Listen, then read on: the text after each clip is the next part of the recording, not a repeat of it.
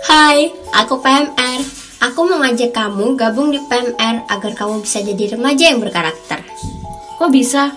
Iya dong, PMR itu wadah yang disediakan oleh Palang Merah Indonesia atau PMI untuk membina dan mengembangkan remaja Indonesia yang bersih, sehat, peduli, kreatif, dan bersahabat. Oh ya, sesuai dengan umur kita bisa bergabung dalam A. PMR Mula, yaitu usia dari 10 sampai 12 tahun. B. PMR Madya, usia dari 12 sampai 15 tahun. C. PMR Wira, usia dari 15 sampai 17 tahun. Tahu nggak? PMR itu punya suatu keistimewaan loh. Apaan tuh? Itu Tribakti PMR. Hah? Tribakti PMR itu adalah tugas pelayanan kepalang merahan yang dilaksanakan oleh anggota PMR. Keistimewaannya yaitu membantu membentuk dan mengembangkan karakter positif dalam diri kita. Wah, oke banget tuh.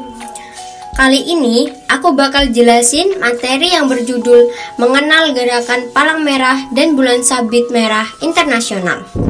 Simak baik-baik ya, nggak lama kok. Hal pertama yang mau aku jelasin adalah Tribakti PMR. Tribakti PMR terdiri dari tiga hal, yaitu yang pertama, meningkatkan keterampilan hidup sehat. Yang kedua, berkarya dan berbakti di masyarakat. Dan yang ketiga, yaitu mempererat persahabatan nasional dan internasional. Dengan mengikuti kegiatan-kegiatan PMR seperti lomba dan penjelajahan, kita bisa mengenal banyak teman dari asal yang berbeda-beda. Seperti kata pepatah, tak kenal maka tak sayang. Jadi, kenalan yuk dengan sejarah lahirnya gerakan ini. Pada tanggal 24 Juni 1859 di desa Solferino, Italia Utara. Seorang pengusaha yang bernama Gian Henry Dunan berasal dari kota Jenewa, Swiss, melakukan perjalanan ke desa tersebut untuk menemui Kaisar Prancis Napoleon III untuk melakukan bisnis di tengah perjalanan, dia melihat pertempuran sengit antara Prancis dengan Austria sekitar 40.000 tentara terluka sedangkan korps medis militer kewalahan dan tidak mampu untuk menangani kebanyakan prajurit korban perang tersebut. Hal ini membuat Henry Dunan mengajak penduduk desa tersebut untuk bekerja sama membantu korban perang. Mereka membawa korban ke sebuah gereja di desa Castiglione sebagai rumah sakit darurat. Hal ini membuat beliau tidak mementingkan tujuan sebenarnya dia ke desa tersebut. Beberapa hari kemudian, Henry Dunan ke Swiss.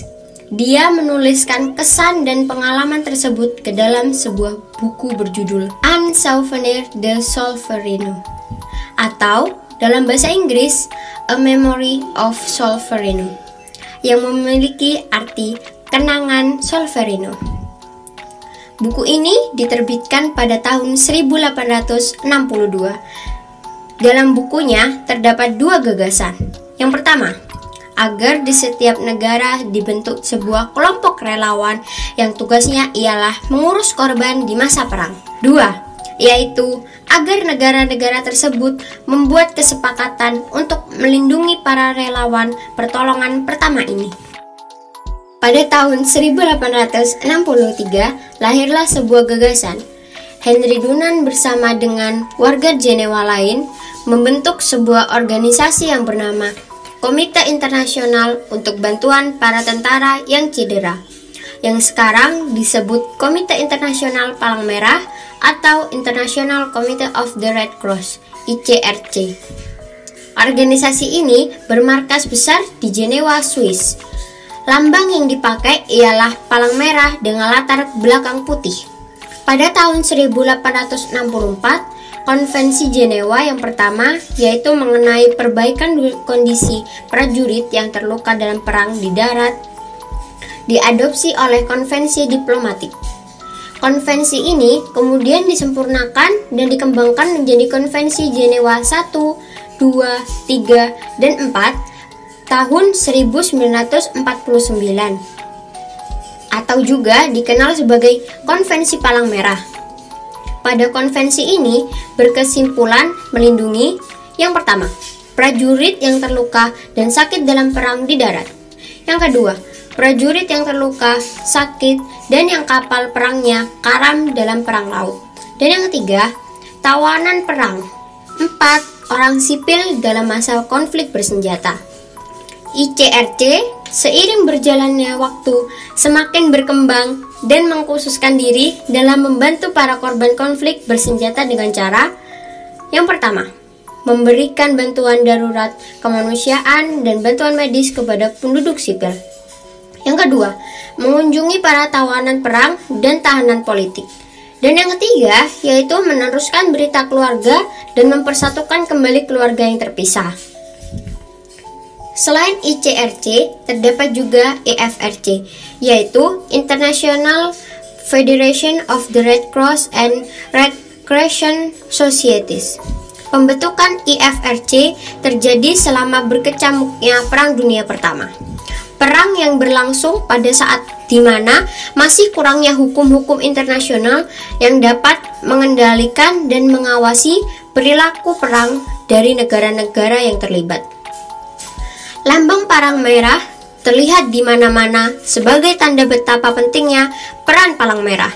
Setelah berakhirnya Perang Dunia Pertama, timbul pemikiran untuk membentuk Liga Perhimpunan Nasional Palang Merah dan Bulan Sabit Merah guna mengkoordinasikan usaha-usaha yang diarahkan pada kesehatan dan kesejahteraan umat manusia. Saat itu, Henry P. Davison, presiden dari American Red Cross Perang Komite, yang mengusulkan pembentukan sebuah federasi dari Perhimpunan Nasional. Sebuah konferensi medis internasional yang diprakasai oleh Davison mengakibatkan lahirnya Liga Perhimpunan Palang Merah yang berganti nama pada bulan Oktober 1983 untuk Liga Perhimpunan Palang Merah dan Bulan Sabit Merah.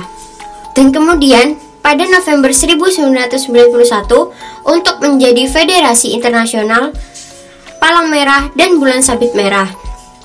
IFRC bertujuan untuk melakukan operasi bantuan untuk membantu para korban bencana dan untuk memperkuat kemampuan anggota perhimpunan nasional. Sejak 1919, semua perhimpunan berada dalam sebuah federasi internasional, Perhimpunan Palang Merah dan Bulan Sabit Merah.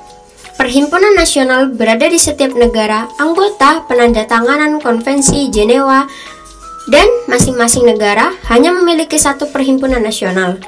Sekarang telah berdiri 181 perhimpunan palang merah dan bulan sabit merah nasional. Selain bekerja pada masa konflik bersenjata, mereka juga melakukan kegiatan pada masa damai. Misalnya, kegiatan donor darah, pencegahan penyakit, pemberian bantuan kepada pengungsi, dan pemberian pertolongan pertama. Jadi gitu nih cerita awalnya dibentuk organisasi ini. Eh, durasinya nggak cukup nih, lanjut part 2 ya. Jangan lupa isi kuis setelah ini. Buat yang rajin mengerjakan dan rata-rata jawabannya benar, bakal dapat hadiah loh. Sampai jumpa, semoga bermanfaat.